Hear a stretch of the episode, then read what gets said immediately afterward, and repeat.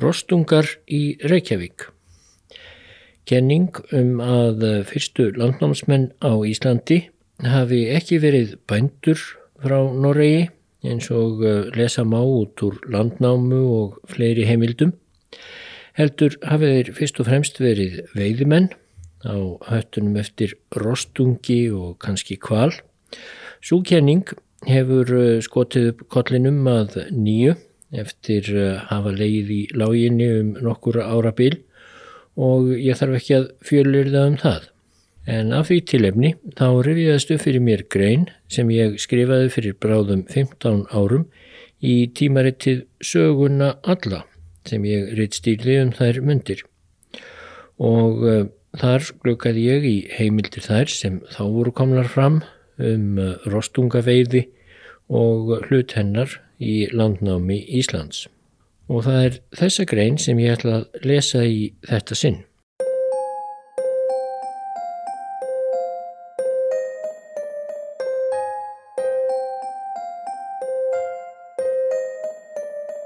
Val Ingóls Arnarssonar á Reykjavík sem bæjarstæði hefur lengi þótt fyrðulegt því mun búsældarlegri sveitir stóðu Ingólfi til bóða.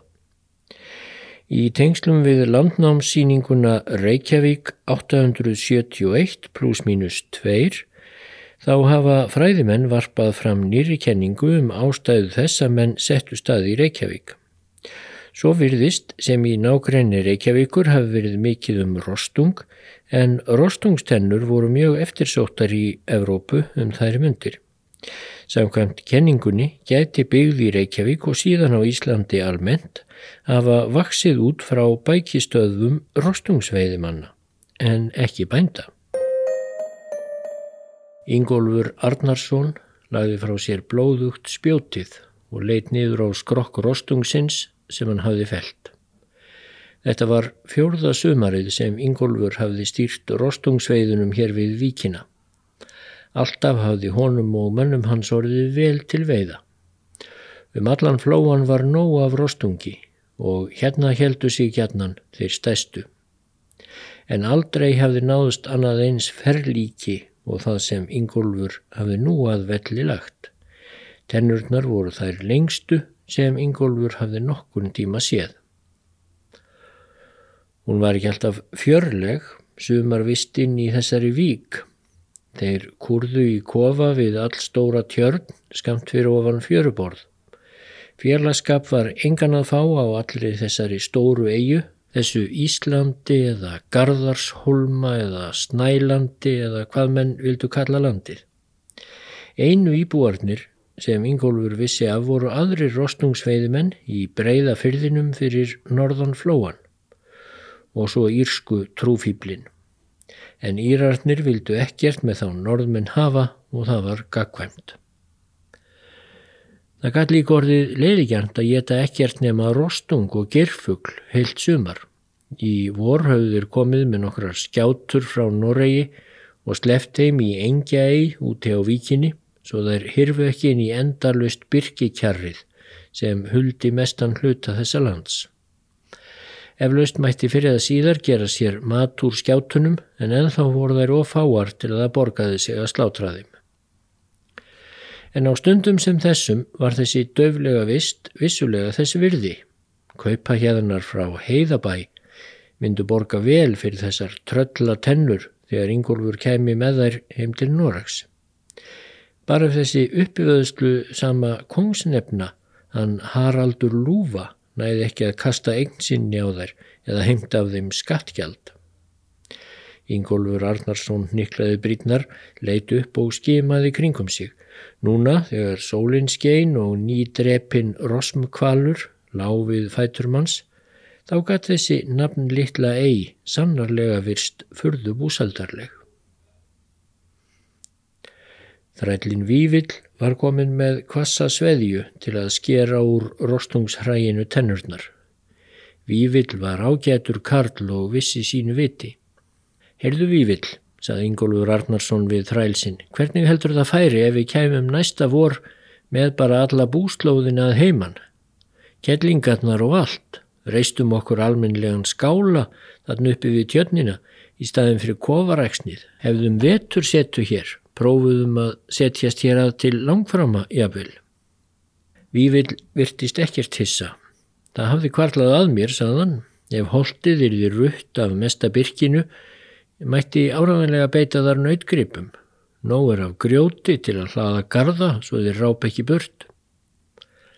Ingólfur kinkaði kollin með sjálfum sér. Já, það var líklega ekki slæm hugmynd að setjast hér að, um einhvern tíma að minnstakosti. Ekki útlýtt fyrir annað en rostungatennurnar myndu bara hækka enni verði á næstunni. Honum varði lítið á fjallið stóra sem blasti við í norður frá vikinni. Ágætti spæjarfjall og það var kannski komin tími til að fara að skýra þessa esju eitthvað. Þessi frásögn er auðvitað tilbúningur, en til skamstíma hefði hún líka verið talin ganga algjörlega í berhögg við alla þekkingu okkar á landnámi norræna manna í Reykjavík. Því þar er hverki minnst á að rostungaveiðar hafi skipt máli. Samkvæmt frásögn landnámu afríð Ingólfur Arnarsson að flytjast frá Noregi til Íslands eftir að hafa lendt upp á kant við valdamikla menn. Norrænir menn höfðu þá fáeinum sinnum komið að Íslands ströndum og báru landinu heldur vel söguna. Ingólfur seldi því eignir sínar og sigildi með allt sitt hafurtask til eigurnar. Ingólfur seldi því eignir sínar og sigildi með allt sitt hafurtask til eigarinnar stóru í vestri. Eftir að hafa kannad landið í þrjú ár reist hann sér lóks bæ í Reykjavík og gerðist þar gildur bóndi og þá var eins og riði yfir flóðbylgja í Norregi af frásögnum íslenskara heimilda má helst ætla að allir þeir sem ekki vildu gangast undir yfirráð og skatt hins nýja konungs í Norregi, Haraldar Lúfu eða Haraldar Horfagra, þeir hafi á skamum tíma ákveðið að nema land á Íslandi, örvita stemdu hátekju skatts flótamenn skipum til hafs, eins og skáldið orðaði það. Landnáma, Íslendingabók og aðrar heimildir um landnám norrænamanna eru einstæð rít og lengi vel kvarlað ekki að mönnum að efast um heimildagildi þeirra að nokkuru ráði. Og á setjum tímum hafa evasemtir hins vegar vaknað um áreiðanleika þessara heimilda. Og þá er rétt að hafa í huga að þessar bækur voru skráðar nokkur hundruð árum eftir landnámið. Menn geta reynd að ímynda sér hvort hægtir því að skrásetja nú á dögum mjög ábyggilegar frásagnir af fólki sem uppi var í kringum 700 ef alls engar rítaðar heimildir væru til og engungu und að byggja á munmælum. Ætli myndi þá ekki bísna margt skólast til. Reykna má með því að sögur um suma landnámsmenn séu meiriða menni þjóðsögur og öðru hagrætt eftir gethóta þeirra sem að lokum settust nýður og skrifuðu landnámsöguna. Þar skipti til dæmis máli að gera sem mest úr hlut ákveðina ætta svo afkomendur þeirra gætu betur gert sig breyða í sínum samtíma. En engin sérstök ástæða er þó til að efast um að maður að nafni Ingólfur og kannski hann hafi jáfnvel verið Arnarsson hafi í raun verið meðal fyrstu alvöru landnámsmannan á Íslandi og hann hafi búið í Reykjavík. Um það verðist einfallega öllum heimildum bera saman að byggð hafi risið fyrst í Reykjavík og breyðist þaðan út. En þá er spurningin hvers vegna settist Ingólfur þessi að í Reykjavík. Val Ingóls á bæjarstæði hefur löngum vakin okkar að furðu. Hann hafði að sögn landnámu ferðast um allt Suðurlands undirlendið sem er auðvitað mun heppilegra til búsettu fyrir bónda en nesin og víkurnar þar sem hann byggði að lokum. Vissulega hafði Reykjavík þann kost að þar var sæmileg höfn frá náttúrunar hendi en á Suðurlandi skorti nær alveg hafnir. En víða eru samt mun betri hafnir en akkurat í Reykjavík og evasemtir um þetta val Ingóls vöknuði snemma. Meira segja í sjálfri landnámu. Þar er þrællin Karli látin lýsa sérstöku frati á Reykjavík þegar hann segir til Íls fórum við um góð héröð er við skulum byggja útneðs þetta. Að höfundur landnámu skuli leggja sérstaklega likju á leið sína til þess að opimbera hversu furðulegt þótti af Ingólfi að reysa bæsinn í Reykjavík sínir að þegar landnáman var skrifuð, líklega á ofanverðri 13. öld, þá hefur val Ingóls þótt einkennlegt í meira lagi. Til að skýra þetta val hafa menn svo spunnið upp söguna um öndvegisúlurnar. Í Íslendingabók Ara Fróða Þorgilssonar er aðeins stuttlega minnst á Ingólf en þó fer ekki á milli mála að hann er talinn hafa gengt mikilvægu hlutverki við landnámið. Ari Fróði skrifar Ingólfur hétt maður Norræn er sannlega er sagt að færi fyrst þaðan frá Noregi til Íslands. Þá er Haraldur inn Hárfagri var 16 vetra gamal en í annað sinn fór hann fáum vetrum síðar. Ingólfur byggði suður í Reykjavík. Þar er Ingólfshöfði kallaður fyrir austan meinþagseyri sem hann kom fyrst á land en þar Ingólfsfell fyrir vestan Ölfusá er hann lagði sína eigu á síðan. Í landnámu sem skrifuð var tölvert síðar er búið að fylla mjög út í frásögnina af landnáminu. Það eru nefndir Nattottur, Garðar Svavarsson og Hrafnarflóki sem fyrstir norrænamanna eiga að hafa komið til Íslands.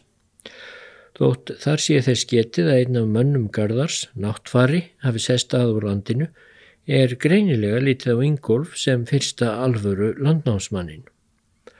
Og höfundi landnámu er nokkuð í mun að sína að Ingólfur hafi verið vel trúaður maður og treyst guðum sínum. Ingólfur trúði að vísu á heiðnamenn en landnámu höfundi þótti betra að Ingólfur liti forsjá þyrra en alls engra. Þá er Ingólfur sá Ísland, skrifar hann, skaut hann fyrir borð öndvegi súlum sínum til heilla, hann meldi svo fyrir að hann skildi þar byggja er súlurnar kemi á land.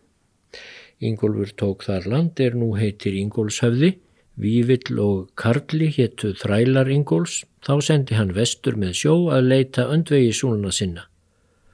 Var Ingólfur þar vetur annan hjá Hjörlefshöfða en um sumarið fór hann vestur með sjó Hann var hinn þriðja vetur undir Ingólsfelli fyrir vestan Ölfusá. Þau misseri fundu þeir Vívill og Karli öndvegisúlur hans við Arnarkól fyrir norðan heiði. Ingólfur fór um vorið ofan um heiði, hann tók sér bústað þar sem öndvegisúlur hans höfðu á land komið. Hann bjó í Reykjavík, þar eru enn öndvegisúlur þær í eldhúsi en Ingólfur namn land milli Ölfusár og Kvalfjörðar fyrir utan Brynjudalsá, milli og Öksarár og öll nes úti. En þá mælti Karli til Íls fórum við um góð héruð er við skulum byggja útneðst þetta. Þetta var sem sagt frá sögn landnámu af landnámi Ingóls. En hér verður að hafa í huga að þegar landnáma er skráð þá hefur bændasamfélag verið að þróast á Íslandi í mörg hundruð ár og bændahöfðingjar sem kallast goðar eru orðnir alls ráðandi í samfélaginu. Frá sjónarmiði þeirra var auðvitað óskiljanlegt að fara um hinn góðu héruð á Suðurlandsundirlendinu til að byggja útneðst þetta eins og Reykjavík var kölluð. Nýkenning hennar virtustu fræðimanna er hins vegar komin fram í dagsljósið sem skýrt gæti upphaf byggðar í Reykjavík. Um 850 tóku múslimar eftir nokkur klið að færa sig aftur upp á skaftið í miðausturlöndum og Norður Afríku. Þá mingaði mjög verslun Evrópumanna við þær slóðir en þaðan hafðu þeir ekki síst fengið þið eftirsóta fílabein. Fílabein var notað í margskonar skrautvarning og verð á því var hátt. En nú þegar vantaði fílabein þá tóku menn að notast við annað. Helgi Guðmundsson varpaði því til dæmis fram í bók sem hann skrifaði löst fyrir aldamótinn 2000 að eh, nákvalsveiðar á Grænlandi hefðu færst mjög í aukana á þessum tímum og þær hefðu verið þungamiðjan í sókn norrætnumanna til Íslands og síðan Grænlands og rostungstennur urðu líka afarvinnsælar og veiðar á rostungi nýrst í Noregi jökust til dæmis mjög. Það voru reynir ekki tennurnar einar sem henn sóttust eftir þegar rostungar voru annars vegar, heldur voru gerð úr húðrostunga mjög sterk reypi sem kalluðust svarðreypi og notuð voru til dæmis í reyða langskipa. Í sögu Alfreðs mikla englandskonungs greinir frá óttarinn okkrum sem koma á fund englandskongs um 890 og hafði meðferðist nokkrar tennur úr rostungum sem vettir höfðu verið við norður Noreg og voru bersínlega mjög eftirsótt vara. Helgi Þorláksson, sakfræðingur, veldir því fyrir sér í bókinni Reykjavík 871 pluss mínus 2 hvort uppgangur Haraldar Hárfagra kunn ekki hafa stafað af tilraunum hans til að ná yfirráðum yfir verslun með rostungafurðir sem fluttar voru að norðan á markaði sunnar í álfunni. Síðan skrifar Helgi Sé þetta rétt er líklegt að þeir sem fóru halloka fyrir Haraldi hafi einmitt gert sér mat úr flutningum meðfram vestur Noregi með skinn, húðir og rostungstennur af norðurslóðum og verið áhuga samur um að finna nýjar uppsprettulindir slíkra verðmæta. Getur verið að einhverjum þeirra hafi virst Ísland góður kostur að þessu leiti. Helgi veldir því síðan fyrir sér hví menn hafi endilega sestað í Reykjavík og bendir á að þar hafi verið mikið um gerfugl sem hafi verið góður til matar og auð veitur. En gerfuglin var raunar víðar um land, en það var líklega annað sem réð meiru um bústaðarvalið, skrifar Helgi. Það var rostungur. Þrjár rostungstennur fundust nýlega í skálanum sem grafin var upp í aðalstræti og telst frá bylinu 930 til 1000 er til þess getið að þær hafi verið faldar og týnst. Við faksafláa og breyðafjörð eru helstu fundarstaðir rostnungsbeina og tanna hérlendis. Í Reykjavík höfðu slík bein fundist að minnstakosti 11 sinnum áður. Virðist engan veginn fjärstætt að rostungstennur og svarðreipi hafi hljómaða lokkandi í eirum manna og dreyið þá hingað.